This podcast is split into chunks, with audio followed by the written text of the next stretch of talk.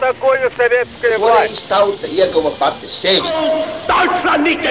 Liktenīgas nejaušības un slēptas likumsakarības, subjektīvas patiesības un objektīvi aizspriedumi. Pēc atkušņa nekad nenāk uzreiz pavasars, bet sākās Arī šodien cilvēki ir ļoti tūredzīgi. Viņi redz to naudu, kas ir. Televīzijā jau pamatā notiek cīņa par varu. Pagātne no šodienas skatu punkta un šodienas caur pagātnes prizmu. Raidījumā šīs dienas acīm.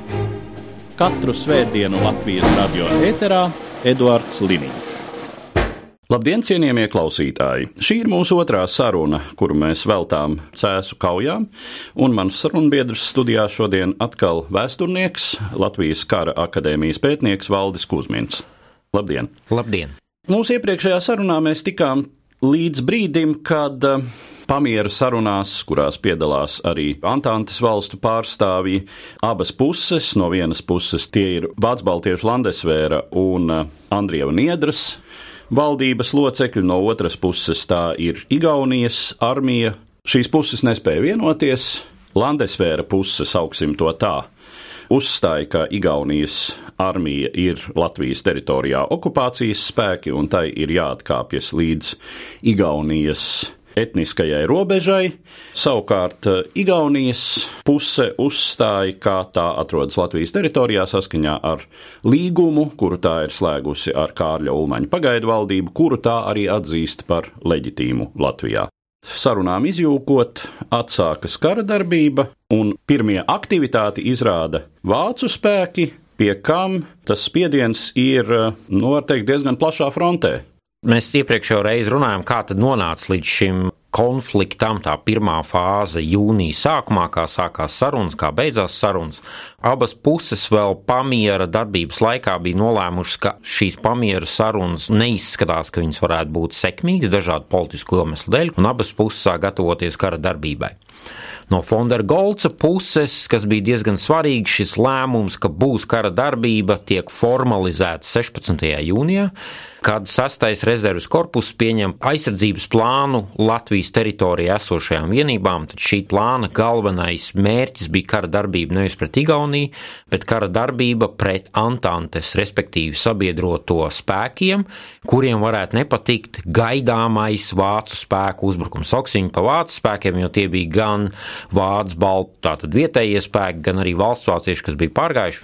Šī kopējā plāna kontekstā tur bija paredzēts, piemēram, Liepājas evakuācija, lai izvairītos no iespējamā Antānas desanta, bija plānota Rīgas aizsardzība, tajā skaitā bija plānots paziņot, ka Daugaugrīva tiek mīnēta ar jūras mīnām, lai gan realitātē šīs jūras mīnas nebija, bet arī spēku grupējums, rezervē esošās vienības Rīgā, kas tika atstāts, viss norāda, ka sastāv rezerves korpus un Fondera Golds, tas mērķis, par ko mēs runājām saistībā ar Versaļas miera līgumu iesniegto piedāvājumu, Vācu ietekmi Baltijā un vispār Vācijas likteni Pirmā pasaules kara beigās, tas bija viņa pamata uzdevums, kas attiecās uz Igaunijas un Latvijas spēkiem, tad šeit radās dilēma. Vācijas valdība neļāva sastajam korpusam šķērsot šo robežu, kas būtu apmēram no Jūglas ezera tālāk uz ziemeļiem un ziemeļaustrumiem. Līdz ar to tiek pieņemts plāns, ka majora Bišova komandētā dzelzs divīzija uz 14 dienām pāriet Niedras valdības rīcībā. Un parasti tiek uzsvērts, ka tas bija tāds formāla pāriešana, un sastais rezerves korpus turpināja šo vadību. Realtātē šo visu operāciju, ko mēs pazīstam ar nosaukumu Cēsu kaujas, komandēja Niedras valdības kara ministrs Vankins, kuram šiem uzdevumam bija piedalīti faktiski trīs virsnieki. Krievijas armijas ģenerālleitnants Timrots un divi vācu no sastāvā rezerves korpusa pārsūtīti virsnieki - majors von Westenhāgens un kapteinis von Linkers. Šie trīs cilvēki tad arī vadīja. Un tad, kad 16. jūnijā tika pirmoreiz telefoniski ar majoru Bišopu pārspriest tas kopējais plāns, ko tad mēs darīsim, un 18. jūnijā jau pēc tam, kad Bišopa komandētā divīzija pārgāja Niedras valdības pakļautībā, šis plāns paredzēja sekojoši tiek saformēta viena kaujas grupa, kuru vadīs vēlākais slavenais vācu ģenerālis Eivols von Kleists, šajā brīdī vēl aizvien majors von Kleists. Šīs kaujas grupas sastāvā būs kopsumā četri bataljoni, trešā pulka otrais bataljons, kas jau atrodas pie Inču kalna, to komandēs Blankenbergs. Viņa uzdevums būs virzīties Limbažu virzienā. Galvenie majora Kleista grupas spēki sastāvētu no trijiem bataljoniem. Pirmā pulka, trešais bataljons, otrā pulka, otrais bataljons, Jēger bataljons, viens kavalērijas eskadrons un četras artērijas baterijas. Viņa uzdevums būtu no Inču kalna caur straupi sasniegt lenčus. Un tas kopējais plāns paredzēja, ka sāk no sākuma šīs Blankenberga bataljons, tad viņš izvirzās, ja netiek sastapta nopietna pretinieka pretestība, tad sāk kustība von Kleista grupa, sasniedz straupi bija paredzēts, ka tieši dzelzceļa divīzija sāk pirmo uzbrukumu, un 24 stundas vēlāk, respektīvi nākamajā dienā pēc tam, kad tiek sasniegti lenči un tiek bloķēta cēsis no rietumiem, neļaujot Igauniem uzbrukt cēsīm no rietumiem, uzbrukumu sāk Landesvēra grupa, kuru komandētu majors Flečers, Tātad Latvijas zemesardzes komandieris, kurš sev uzskatīja par Latvijas bruņoto spēku virspavēlnieku, kurš pakļaujās Andrijam Niedras kabinetam.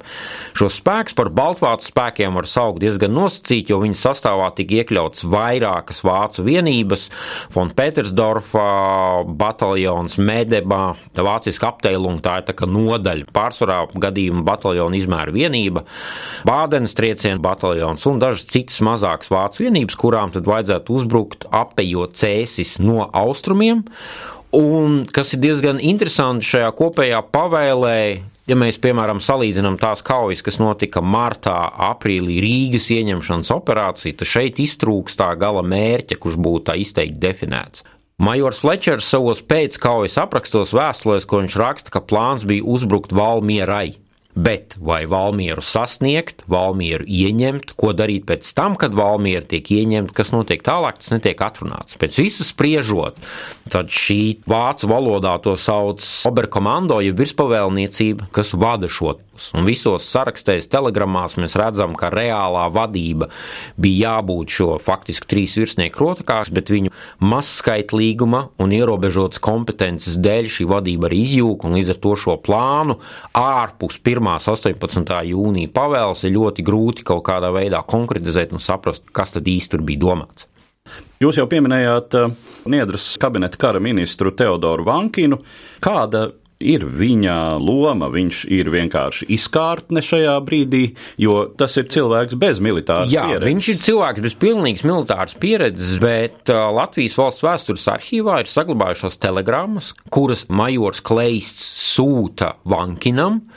Un savukārt ir telegrams, kur Vankins sūta majoram Kleistam, kurā tiek uh, dotas pavēles Vankina loma, nu, kāda varēja būt. Tieši tā arī ir. Nekādas militāras pieredzes nav, bet realitātē mēs redzam, ka savu lomu viņš vismaz gribēja spēlēt, ja bija spiests spēlēt, to ir grūti saprast. Bet ir skaidrs, ka šis oberkomando faktiski nedarbojās. Vēl viens svarīgs iemesls, ko vācieši domāja, cik lieli ir pretinieki spēki. Un šeit ir diezgan pretrunīgi dokumenti, ko viņi paši ir aprakstījuši. 18. jūnija pavēlē tiek minēts, ka Igauniem un Latviešiem ir divi, trīs pulki uz ziemeļiem un ziemeļaustrumiem no cēsīm, savukārt pie Limbažiem ir viens kājnieku bataljons, viens jātnieku eskadrons un viena artilērijas baterija. Tas, ar ko viņi rēķinājās, un viss plāns bija balstīts lūk uz šādu aprēķinu. Kā izrādās, izlūkošanas informācija nebija precīza, vēl līdz pat jūnija vidum izlūkošanas ziņojumos pamat ienaidnieks, par ko informācija tiek vākta, ir par sarkanajiem spēkiem. Igauni tiek pieminēti garām ejot, Ja mēs paskatāmies uz otru pusi, tad, kad Nikolais Reiks apraksta savu ļoti detalizēto vēstījumu par cēlus kaujām, viņš Landesvēra vienības novērtēja uz apmēram 7000, kas ar pienākušiem papildus spēkiem uz cēlus kauju beigām jau sasniedz 8000. Šis skaitlis nav gluži tuvu tam, kā bija. Vācu dokumentos, teiksim, Kleista kaujas grupas sastāvs ir zināms līdz pēdējam zirgam Ja mēs kopā sarēķinām visus šos vācu spēkus, kas kopā piedalījās no vācu aprakstiem, mēs varam rēķināties ar 4000 karotājiem. No Igaunijas puses gatavošanās bija daudz mērķtiecīgāka, daudz organizētāka. Viņiem bija centralizēta vadība. Igaunijas armijas ģenerālštāps Laidunera vadībā koordinēja. Un kopējais viņu skaits kara darbības sākumā, 21. jūnijā, bija apmēram 6050 karavīri, un šajā gadījumā Igauni skaita tikai durkļus, kas ir kainieku rotu karavīri. Tur netiek ieskaitīts ložmetēji komandas, sakara komandas, artilērija un vispārējais. Tā kā jau kauju sākumā mēs diezgan pārliecinoši varam teikt, ka Igauniem bija pārspēks. Un šis vācu uzbrukums jau bija ļoti, ļoti riskants. Pirmais kontakts sākas 20. jūnija, 9.00. Kad pie Brāzlas 4. eskadrons vācu vienība saņem gūstā turaidas zemnieku Pēteri Liepiņu, kuram ir apliecība par to, ka viņš drīkst braukt uz savu turaidas pagastu no Stalbes, Krievu valodā viņam 6. igauņu kainieku pūka 15. rotas komandieris ir rakstījis apliecību, ka viņš drīkst braukt. Un šis ir pirmais brīdis, kad vācieši arī saprot, ka te mēs īsti nerunājam par vienu bataljonu, vienu eskadronu, ka šeit ir sastais pūks, kurā ir vismaz 15 rotas. Bet pēc tam, kad 4. eskadrons ar kauju ieņem straupi, tiek gūstā saņemts smagi ievainots igauņu karavīrs, kas arī nosauc šo kopējo ciparu. Tātad 6. kainieku pulkā ir apmēram 2000 cilvēku. Tas nav viens bataljons. Plāns īsti nefunkcionēs. Un pirmais, ko dara Majors Kleists, viņš dod pavēli Blankenburga bataljonam, kurš virzoties uz limbažiem nekādu lielu pretestību nesastop, ka Blankenburgam vajadzētu caur limbažiem virzīties uz augstrozi un mēģināt šādā veidā Kleista grupai palīdzēt. Šis pats zemnieks paziņo, ka Stalbes mūžā atrodas no 100 līdz 200 kainieki un ir skaidrs, ka nekāds lenčus 20. jūnijā viņi nesasniegs. Šis plāns paredzēja, ka tiek sasniegts lenčs, un nākamajā dienā sāk uzbrukuma Landesveids. Problēma sākas ar to, ka Kleists nepaziņo, ka 20. jūnijā lenči netiks sasniegti, un šis virsštāps, jeb oberkomando, tālāk nekādas ziņas nesniedz. Un 21. jūnijā, trijos naktī, Baltvācu, jeb Flečera kolona trijās grupās sāk uzbrukumu. Tātad Jēnas kolona, Malmēdas kolona un Bekelmaņa kolona. Šajā gadījumā tas bija tāds stiprākais grupējums, apmēram 2000 nosacītu kaujas spēju karavīru. Galveno triecienu veikt vidējā kolonā, jeb tā saucamā Malmedas kolona, kura sastāvā būtu no Malmedas bataljona saformētais Baltenlāna pulks, piecu rotu sastāvā, kuram arī bija Petersdorfa ložmetēju nodaļa un medēm nodaļa pieladīts kā atbalsta vienības kas tad viņiem atrodas pretī. Un šajā gadījumā šī izlūkošana, kas bija šim kopējam Fletčera grupējumam, bija daudz efektīvāka nekā Kleista grupai. Par to, ka pretī atrodas otrais cēsu kājnieku pulks, un kā tad izskatās šis otrais cēsu kājnieku pulks, Fletčers zināja ļoti labi. Kopš cēsu ieņemšanas un tādas diezgan intensīvas mobilizācijas cēlus kājnieku pulks uz papīra sasniedz 2400 cilvēku sastāvu. Nikolais Reiks viņa durkļu skaitu novērtēja uz 1430. 32 vieglie un 12 smagie ložmetēji, tāpat arī vēl 6 lielgabali. Šī bija tā vienība, kas atradās Raunas upes ziemeļkrastā, apmēram no Raunas ietekas gaujā līdz Jaunraunai, un šī bija tā vienība, kas arī saņēma galveno triecienu. Cēsu kaujās brīnums nenotika. Šis cēlus pūks tika sakauts. No kurienes tad vācieši ieguva šīs ziņas un kāpēc šis brīnums nenotika? Vācieši apmēram jau sākot no 7. jūnija līdz pat 20. jūnijam nopratināja vairāk nekā desmit pārbeidzējus, ko viņi sauc par pārbeidzējiem, nevis gūstekņiem. Tie bija mobilizētie latvieši, kur uzskatīja, ka karot viņi negrib. Daļa no viņiem bija bijušie padomju Latvijas armijas karavīri, kas dezertēja, tika mobilizēti un vēlreiz dezertēja. Un viņi saliek diezgan precīzi kaujas sastāvu, bruņojumu, plus mīnus, kas ir komandieri, kur atrodas štābs, kādā veidā rotas ir izvietotas apvidū. Skaidrs, ka vācieši arī rēķinājās to, ka šis ātri samobilizētais pulks īpaši lielu pretestību izrādīt nevarēs, un tas arī izrādījās patiesība. Šis cēlus kājnieku pulks bija lielākajā daļā patriotiski noskaņots, tādā politiskā līmenī zināja, par ko un kāpēc viņi karo bet no tādas militārās sagatavotības, apmācības, piemēra pēc no rotu komandieriem, teiksim, viens bija dezertējis no padomju Latvijas armijas 6. jūnijā, savukārt 7. jūnijā viņš jau kļuva par cēsu rotas komandieri, kurā viņš komandēja karavīrus, ar kuriem vēl burtiski nedēļa apakaļ viņi bija ienaidnieki. Pats viņš kaujas laukā parādīja ļoti lielu varonību, par ko arī saņēma Lāčplēša kara ordeni pēc tam, Bet ir skaidrs, ka šīs rotas spējas nu, nevar divās nedēļās radīt. Un līdz ar to faktiski šis cēskājnieku pulks pirmajā triecienā izšķīst. Un pēc visas spriežot, Nikolais Rēks savā kaujas plānā arī savā ziņā ar to bija rēķinājies. Latvieši bija nolicis tā teikt pirmajam sitienam. Viņi arī pēc Laidunēra 18. jūnija direktīvas paredzēja, ka Landesvers uzbruks pirmajam, pēc tam mēs sakoposim rezerves, kas jau bija procesā, un prettrieciena rezultātā viņas sakausim. Līdz ar to kādam bija šis pirmais trieciens jāpaņem, un pēc Nikolai Reika plāna tas bija otrais cēskājnieku pulks, kas bija vājāk apmācītais, vājāk apbruņotais, un arī rezultāti bija diezgan likumsakrīgi.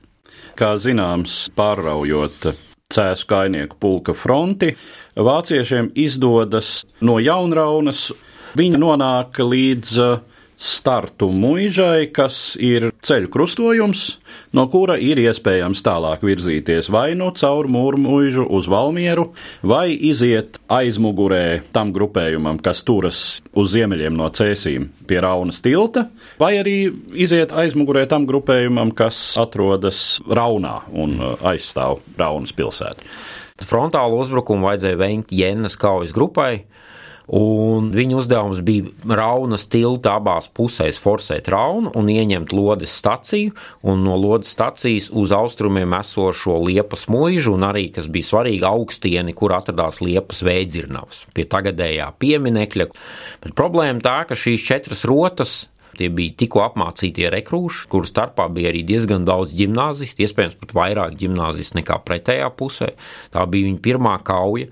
Līdzīgi kā cēsu kājnieku pulks, arī šeit brīnums nenotika. Šie vāji apmācītie, vāji apbruņotie, bez jebkādas pieredzes, raunu viņi forsēja, cēlus kājnieku pulka. Trešais bataljons tika daļai izklīdināts, bet nonākot mežā, kurš vēl aizvien šajā vietā atrodas, šīs rotas zaudēja orientācijas spēju un tālāk no mežā ārā neiziet. Pretī viņiem darbojās Igaunijas bruņu vilciens, kurām garām viņi nevarēja tikt nekādā veidā. Un pirmie mēģinājumi apiet bruņu vilcienu caur liepas mūžu šur virzījās, ja nemaldos, tā bija Barta artērijas baterija, kas bija piedalīta šim pulkam atradās vistuvāk, lai kaut ko darītu lietas labā, bet 21. jūnija pēcpusdienā šeit arī parādās pirmās rezerves. Tigauņu bruņotais vilciens, ar kuru ierodās varētu teikt, vis tāda elitārākā karaspēka vienība, Kuperjāno bataljons, kuru skaitā bija 249 durkļi, 6 vieglie un 6 smagie ložmetēji, un kopā ar bruņotā vilciena desantu un izmantojot bruņotā vilciena atbalstu, viņi no lodes stacijas tikko izsēžās no vilcieniem pāriet pāri šai liepas augstienai, gājām liepas muižai, un pēc tam triecienā atbrīvo liepas muižu. Tas ir faktiski pagrieziena punkts. 21. jūnija pēcpusdienā ir skaidrs, ka šis plāns sabrūk. Kas ir interesanti, ko raksta Rādena bataljona kaujas dienas grāmatā, ka šajā pirmajā kaujas fāzē vācieši ieguva 200 pārbeidzējus. Nevis gūstekņus, bet pārbeidzējus. Tātad šis trešais bataljons, varētu teikt, ir sadalījies reizinātājos un pretestību izrādīja šī bataljona komandieris kapteinis Bērtulsons, kas arī saņēma Latvijas ordeni, pēc tam vēlāk jau par citiem varoņdarbiem. Un šie virsnieki, instruktori, viņu skaits bija salīdzinoši neliels, bet ap viņiem pulcējās tie, kas zināja, par ko karo. Un šajā gadījumā tas lielais skaits, 1400, vairs nespēlēja lomu, šie spēlēja lomu daži desmiti, varbūt pāris simti, kas gribēja, prata un varēja. Vidējā kolona Malmedes grupa 21. jūnija vakarā sasniedza Stārtas mūžu, kur palika pa nakti. Ar šo kolonu gāja arī majors Flečers. Viņš vienmēr bija priekšējām vienībām, sākot jau no februāra, kad tika ieņemta kuldīga pirmā kauja, kur viņš piedalījās. Viņš arī bija priekšējās rindās ar granātu rokās. Taču naktī no 21. uz 22. jūniju pienāk nākamās rezerves. Tas bija Kalevas bataljons, Kaleva Laste Maleva nākamā brīvprātīgo vienība, kurā skaitā jau bija 316 durkļi ar 11 ložmetējiem, kuri trijos naktī devās pretriecienā, un skangaļu mūžas pievārtē, kur vēl pagājušajā nedēļā tika atklāts piemineklis kritušajiem Igaunu Kalevas bataljonu karavīriem, pretriecienā pārsteidza Medema bataljonu. Medena kājnieku bataljons atkāpjās, Un 22. jūnija rītā Malmedes kolonnai vairs nav no starta mūža caur mūru mūžu virzīties tālāk uz Valmieru, kāds bija paredzēts pēc viņa plāna, bet jāiet jau pretuzbrukumā tieši uz rietumiem, lai izsist no skangaļiem tur esošo Kalevas bataljonu. Tas pagrieziena punkts varētu būt pirmais trieciens pie Liepas mūžas, Kuperjāno bataljonu, un otrais pagrieziena punkts ir Kalevas bataljonu pretuzbrukums pie skangaļiem kuri, kā apraksta paši Igauni, tur notika vairāk pretuzbrukumu ar sīvu tūciņu. No vācu puses ir pirmās rotas komandieris Springera atmiņas, viņš nokļuva gūstā un pēc tam no gūsta tika atbrīvots, kur viņš savā aprakstā parāda to pašu ainu, kas ir redzama pie Jēnas kaujas grupas, kur šis tikko no bataljona par pulku izveidotais. Viņš piemin, ka otrā rota, kas atrodas no viņa pa labi, rotas komandieris nepilda savus dienas pienākumus, divreiz pazaudējis rotu, pati rota ir izklīdusi kurš tur ar Igauniem karo vairs īsti nevar saprast, kā rezultātā viņš pats nokļūs gūstā. 22. jūnija pēcpusdienā šis uzbrukums ir izgāzies, un lai gan Fletčers savā vēstulē Fondergolcam paraksta, ka nekādas panikas mums tur nav bijusi, visa atkāpšanās ir bijusi organizēta, nodoms bija atkāpties uz Raunas upes līniju, pārgrupēties un pēc tam vēlreiz uzbrukt Valmieras virzienā. Plečers norāda, ka nav saprotams, no kurienes tie ziņojumi nākuši, kurš tur tādas lēmumus ir pieņēmis, atkal dodot mājienu šī oberštāba, ja virsštāba rīcībā, kur šie trīs virsnieki nav spējuši kontrolēt, vai arī ministrs Vankins nav spējis neko kontrolēt. Faktiski 22. jūnija pievakarē jau ir skaidrs, ka kauja ir zaudēta, Tāpat pienāk Igaunu, pirmā kājnieka otrais bataljons. Šīs rezerves nāks bija paredzētas jau gan 14. jūnija Laidoneru direktīvās, 18. jūnija Laidoneru direktīvās.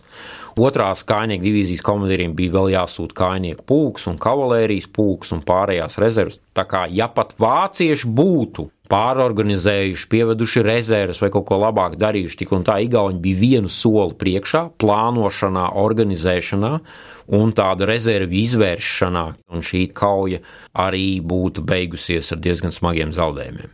Kā zināms, 23. jūnijā Igaunijas spēki ieiet cēsīs, nu un tālāk seko vāciešu atkāpšanās ar mēģinājumu kavēt šo uzbrukumu pie Inču kalna, un tad atkāpšanās līdz tā sauktām jūglas pozīcijām, kas faktiski jau ir Rīgas pievārte. Un tad ir jautājums, vai Rīga tiks ieņemta ar kauju, un Igauni šķiet tam ir uh, pilnīgi gatavi.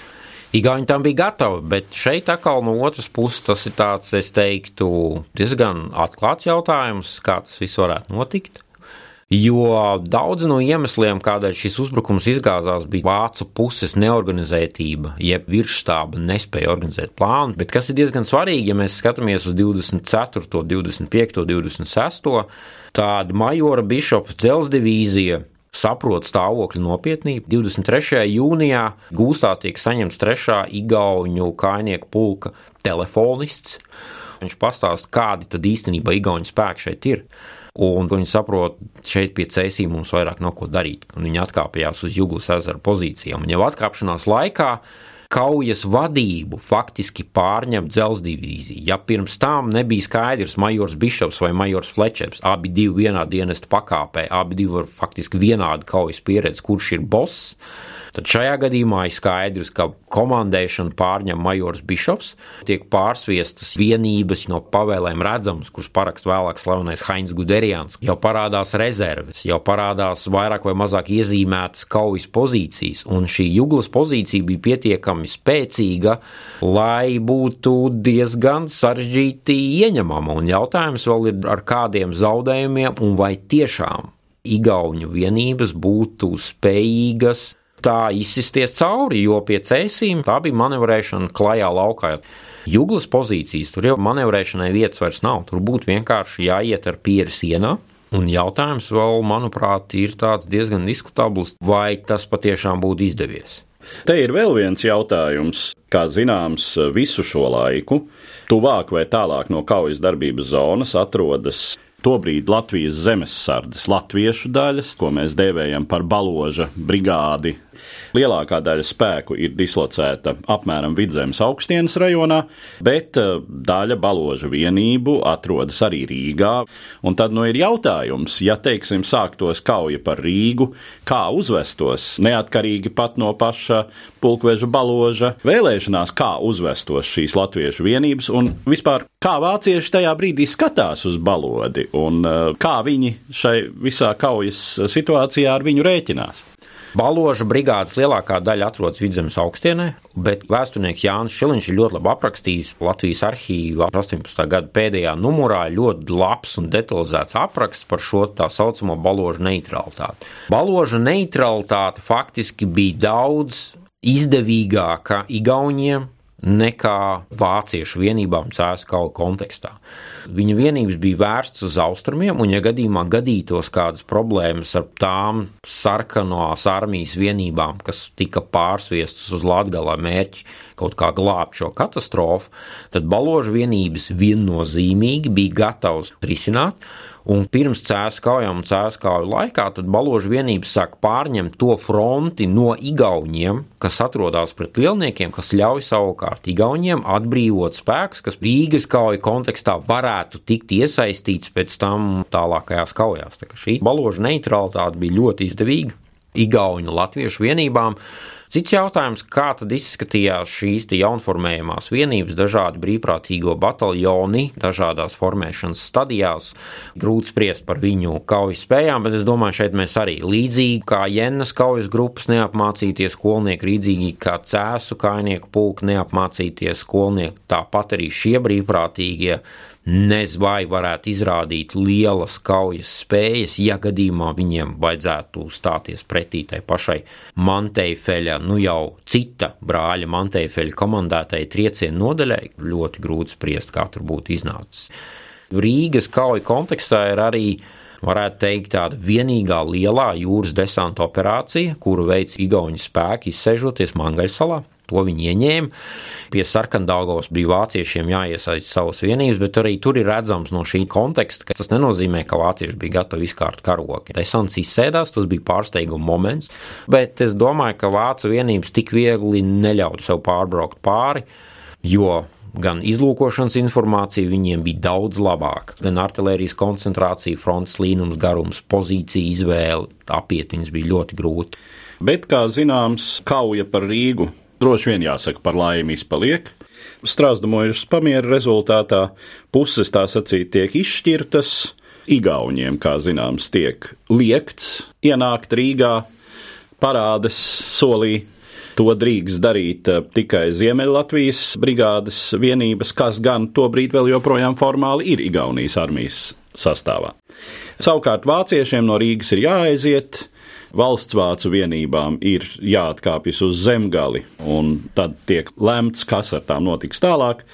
Un Landesvērs tiek nogādāts tukuma apkārtnē, kur tas tiek pārformēts un pēc tam kļūst par Latvijas armijas sastāvdaļu. Vēlreiz par šo kauju raksturu. Šie motīvi reizēm neņemam gūstekņus, Jā, tas abām pusēm bija diezgan izteikti. Un šajā gadījumā tas jau iet atpakaļ uz kara darbību, kas sākās 1918. gada decembrī, tāda kara vešanas likuma neievērošanas spirāli. Mēs dzirdējām, ka jūs apšāvāt mūsu gūstekņus, mēs apšausim konkrēti jūs kas saistās gan ar sarkano teroru Rīgā, un pēc tam sekojošo balto teroru arī Rīgā. Šeit atkal es gribētu pieminēt nopratināšanas protokolus, kur bija pārbeidzēji, un viņi bija lielā skaitā. Tad mēs nerunājam par vienu, diviem. Cēsu kainieku pulka mobilizētie latvieši uzskatīja par iespējumu pāriet pretinieku pusē, kur viņi tika nosacīti, civilizēti, sagaidīti un pēc nopratināšanas acīm redzot, ka viņi arī palikuši dzīvi. Ja mēs skatāmies uz kritušo skaitu, tātad nedaudz pār pa 40 kritušajiem no otrā cēlā kainieku pulka, ja nemaldos nedaudz vairāk kā 20 bezvēsts pazudušie, un ja mēs atceramies Rādena bataljona ziņojumā ierakstīto 200 pārbeidzēji. Šeit nav nekāda pamata viņiem šos gūstekņus saukt par pārbeidzējiem vai otrādāk. Tur nav tāda motivācija viņus nenosaukt par gūstekņiem, tie būtu bijuši gūstekņi. Bet šie pārbeidzēji nebūtu netiek uh, nošauti. Pēc tam atkāpšanās hausā viņi kaut kur paliek, tiek atlaisti, aizbēg, dodas uz Rīgu, bet viņi arī izdzīvo. Mēs redzam arī pats Springers, rotas komandieris, kurš bija valsts vācietis. Viņš arī tiek saņemts gūstā. Šī apiešanās ar viņu nebija izteikti civilizēti, bet nu, viņš paliek dzīves un no gūsta izkļūst. Bet, protams, ir arī apraksts, un šeit par piemēru var minēt Engelharta jātnieku vienība, kas vēl pirmo kolonu gadījumā sasniedz liteni, un pēc tam Igauni viņu saņem gūstā, viņi ar kauju izlaužās, tur desmit dienās nojāja 300 km, ja nemaldos. Un daļa no viņiem ir nošauti gūstā.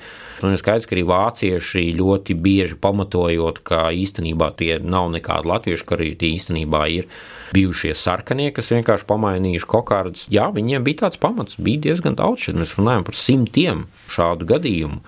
Jautājums, vai viņiem bija pamats viņu šaut nost? Nē, pamats nebija. Tas bija kara likuma pārkāpums, bet, diemžēl, kara darbības kontekstā tāds notika. Bet kas no otras puses, arī, ko es arī noslēgumā gribētu uzsvērt, ir tas, ka Landesvērs pēc tam tiek pārformēts ilgstoši. Tas process notiek, un pēc tam, kad viņš iesaistās Latvijas armijas sastāvē Latvijas frontē, viņš kļūst par vienu no visefektīvākajām Latvijas armijas vienībām, ja mēs skatāmies tīri no taktiskā apmācības līmeņa, bruņojumā un kādā veidā viņi pēc tam Latvijas atbrīvošanas operācijā piedalījās, tas viņu veikums bija ļoti augstā līmenī. Bijušie, tā teikt, ienaidnieki, tie pēc tam kļūst par biedriem. Tā kā šīs naids nebūtu nebija neatgriezenisks, un var redzēt, ka abas puses to uztver varbūt drīzāk kā negadījumu un bija spējīgs tam tikt pāri.